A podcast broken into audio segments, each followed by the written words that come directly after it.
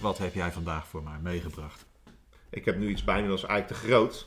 Om uit je broekzak te trekken. Ja, ja, dus het ligt op tafel. Dus John, wat zie je? Nou, ik, eh, ik kan het wel zeggen.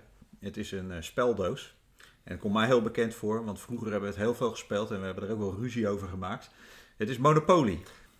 Mooi hè? Ja, prachtig. En weet je, het leuke is, ik hou van die iconische dingen.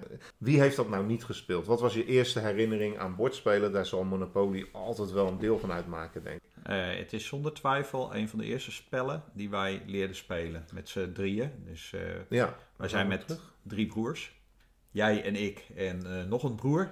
En wij waren fanatieke spelletjespelers. Want in de tijd dat wij jong waren had je eigenlijk niet zoveel anders dan spelletjes. En Monopoly was een belangrijke, maar ook een heel tijdrovende, weet ik me wel te herinneren. En het, Ja, daar kan erg ik lang daar bezig waren. iets over zeggen, over waarom, waarom het lang duurt. Ik, ik weet ook inmiddels dat het langste Monopoly-spel ooit 72 dagen heeft geduurd aan één stuk. En, en daar moet ik wel bij zeggen, dat was een officieel eh, spel van, van een toernooi ergens wat gehouden werd. Wat ik erg leuk vind, is dat dit een Westlands eh Monopoly-spel is. Ja, en niet ik- een eh, officieel Monopoly, of het is wel officieel Monopoly, maar niet zoals we dat kennen van Nederland. Dus eh, ja, ik ben heel erg benieuwd wat hierin zit. Zo te zien zitten de paprika's bij en Ja. de blommetjes. Maar het is een blijd Monopoly natuurlijk. Maar ik zal eerst iets vertellen over de, de, de roots van Monopoly. Ja. Dit is natuurlijk al een heel oud spel. En, en het, het werd uitgebracht in 1934 door, de, door Parker Brothers. Misschien ken je dat nog wel. Ja. Tegenwoordig, sinds een aantal jaar, is dat volgens mij bij de Hasbro inbegrepen nu. Maar Parker Brothers is een grote Amerikaanse spellen, bordspellen uitgeverij.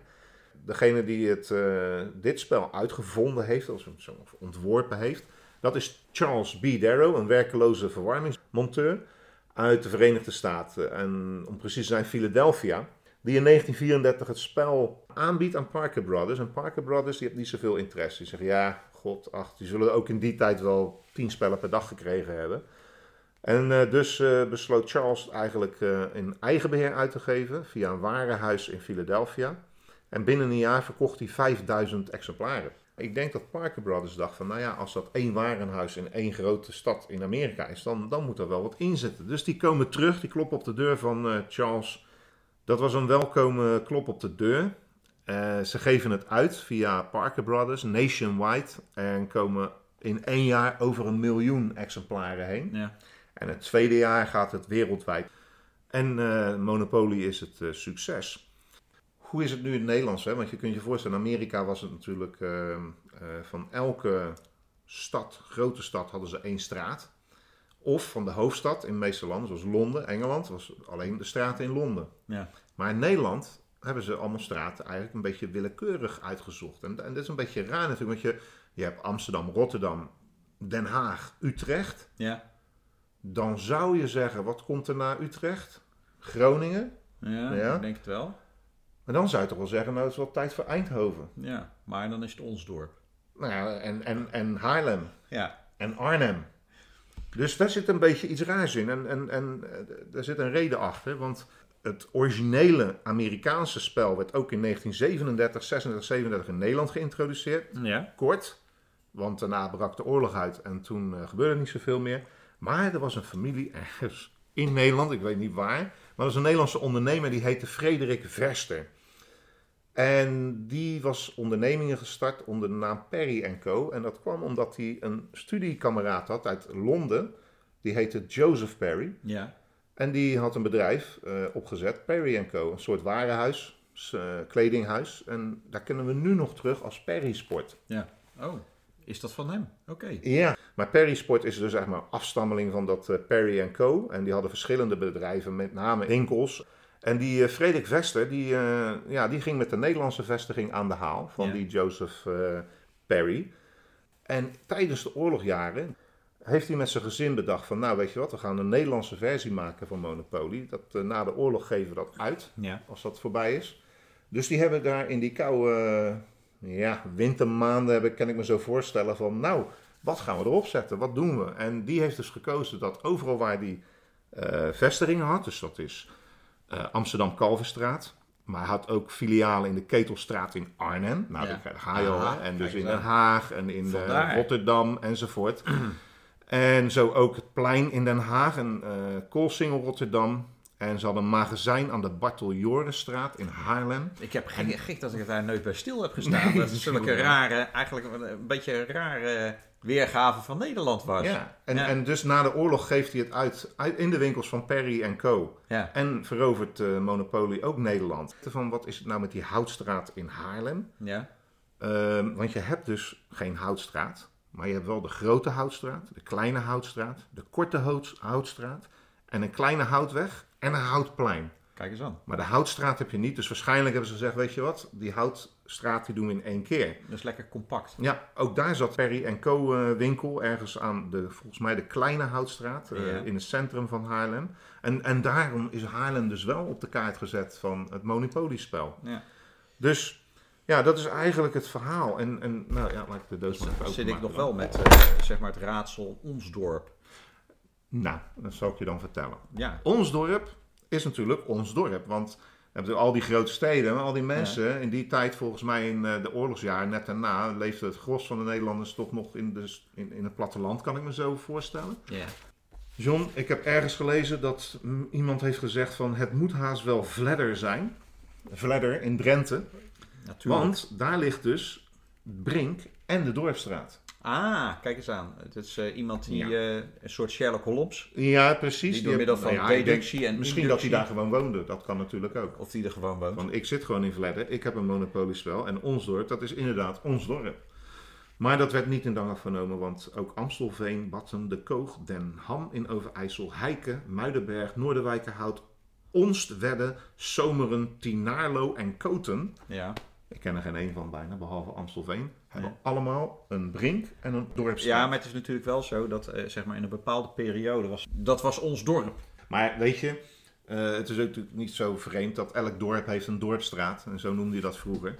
Ja. En een brink is natuurlijk een verhoging waar vaak de kerk op staat. Dus dat is niet altijd heet dat nog de brink, maar vaak wel. Dus dan is dat raadsel ook opgelost. Ik kijk eens even kijken hoor. Dat mannetje hè, met dat hoedje op en die snor. En die, staat er staf altijd in zijn op, hand. hè, Dus die, ja, eh, vanaf het begin. En ik Ja. denk ook een beetje dat dat de branding is. En wat ik ook leuk vind is start met een rode pijl. Ga naar de gevangenis. Een eh, agent met een fluitje in zijn mond. Ik denk dat iedereen het kent. In de gevangenis. Vrij parkeren, kans, slechts op bezoek. algemeen fonds, dat soort Precies. De beroemde groene huisjes en de rode hotels zitten erin natuurlijk. Ja. Over die, die stukjes trouwens. Waarom, waarom is dat een hoedje en een voetje, en een schoentje en een wingerdop en een kruiwagen en een autootje? Maar ik zou het niet weten, want wij hadden, zoals je al net zei, Ja, pionnen. nee, dit is dan toch helemaal vanaf het origineel. De vrouw van Charles Darrow, die had een bedelarmbandje. En in een bedelarmband zitten altijd een aantal Bedeltjes. voorwerpen, bedels. Ja. En die gebruikte hij als spelstukken in zijn eh, origineel. dat- En die heeft hij meegenomen. En dat werd dan het Dat vind ik nou het leuke aan deze podcast. Dat, is echt, dat zijn echt die dingen waar je achter komt die je er echt nooit achter gezocht zou hebben. Dus ehm, ja, dat is het verhaal van Monopoly.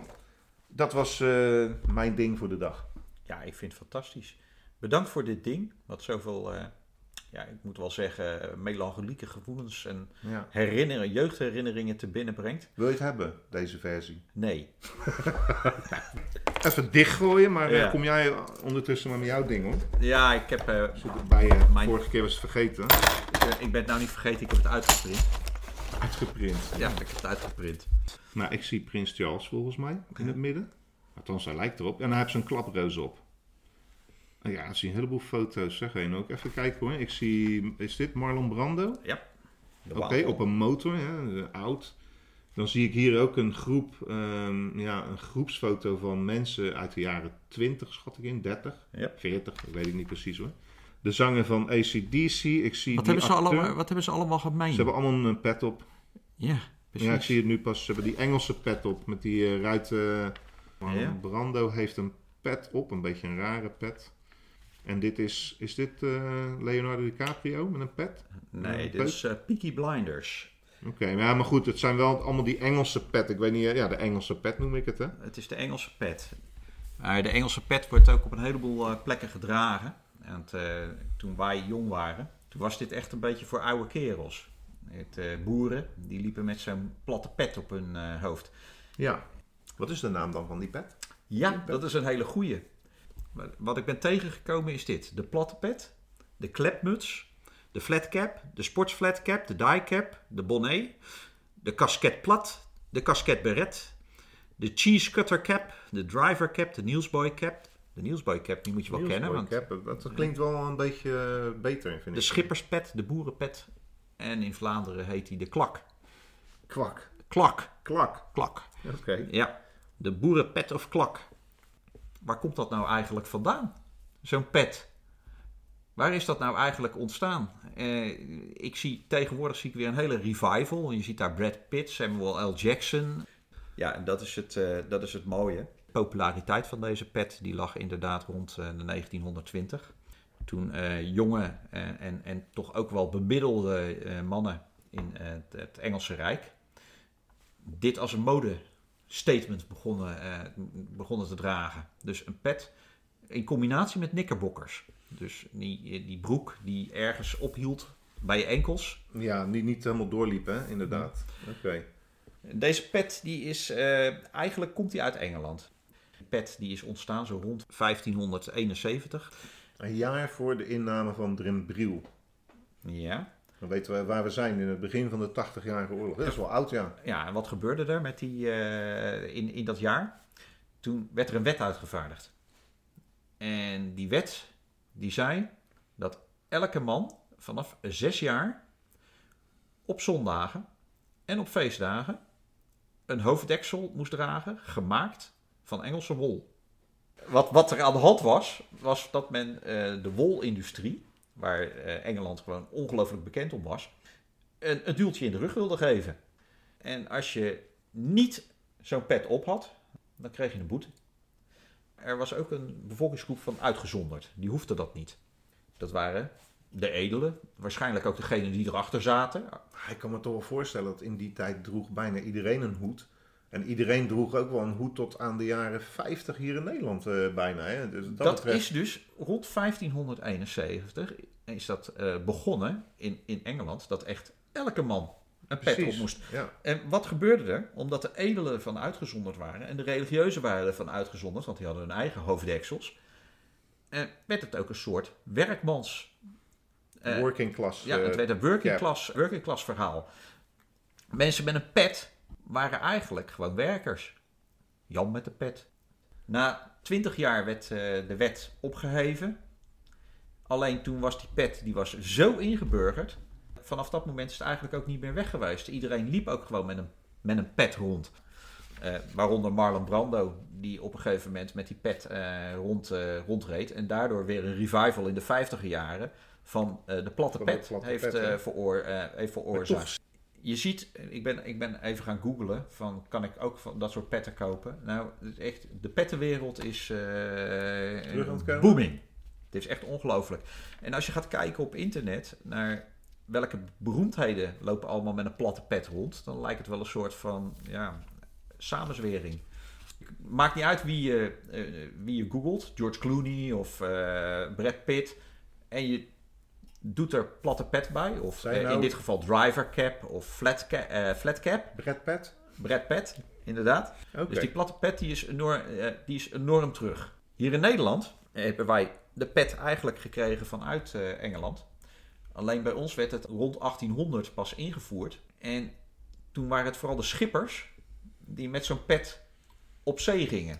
En die hadden een leren band erin laten, laten naaien, Ja. zodat die lekker op hun hoofd bleef zitten. En daardoor hebben wij eigenlijk de schipperspet Ja, de schipperspet is eigenlijk nooit weg geweest hoor. Want dat ken ik zelf nog van. En dan heb ik het over de binnenvaart met name. En, en boeren. Die ook wel vaak met een pet oplopen. Ja. En op een gegeven moment hebben ze die petten opgezet en die bleven goed zitten op hun hoofd. In Nederland liep dat helemaal uit de hand. Rond, eh, zeg maar zo rond 1800, begin 1800, naar het einde van eh, de negen- eh, 19e eeuw toe. ja. Toen had iedereen zijn eigen pet. Toen had je de schipperspet, je had de boerenpet.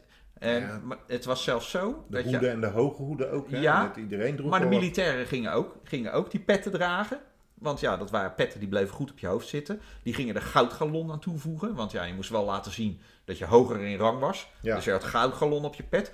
En voor we het wisten, liep iedereen met een pet rond. En je kon bijna zien aan de pet wat het beroep was van iemand. Kleermaker of eh, bellboy of ja. kranten, eh, krantenbezorger.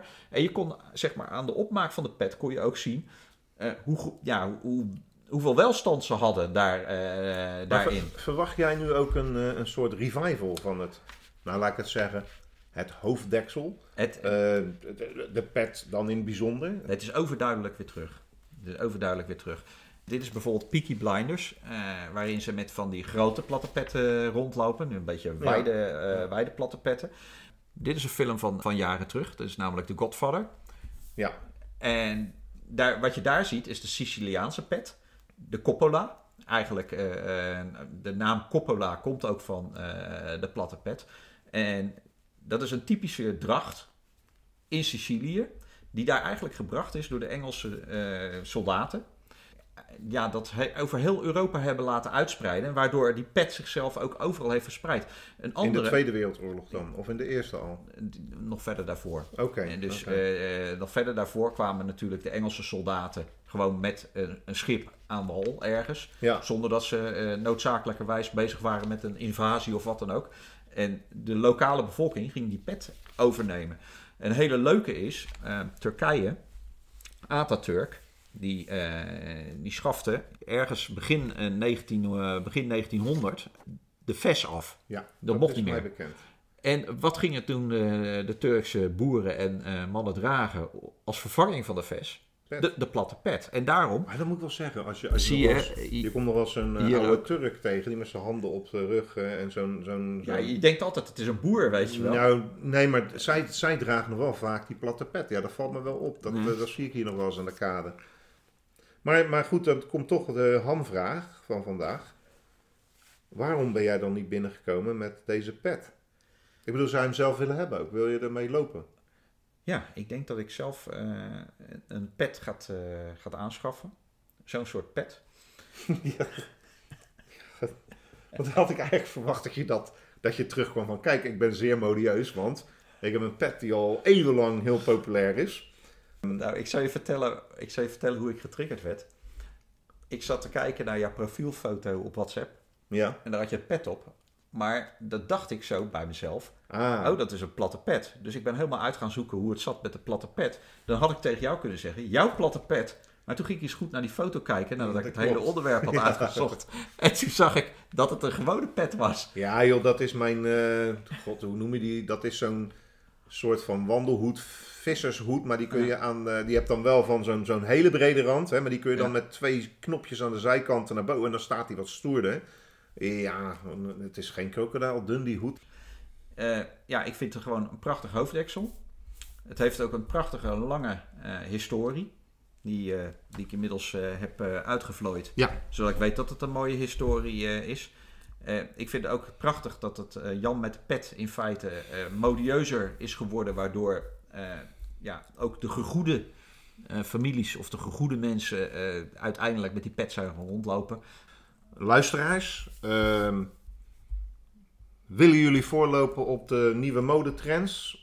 Dingen heeft het al gezien. De Engelse pet komt terug. Ik weet niet of dat het geval is van Monopoly. Ja, nog een klein beetje. Waar komt het woord pet vandaan? Nou, ik heb nog wat in petto. Ik heb nog wat in mijn hoge hoed. Ik weet het niet. Niemand weet het. Niemand weet het. Het is een groot geheim. Eh, ik heb het nagezocht, maar het is niet duidelijk waar het vandaan komt. En zo blijft het woord pet voor eeuwig Een groot raadsel.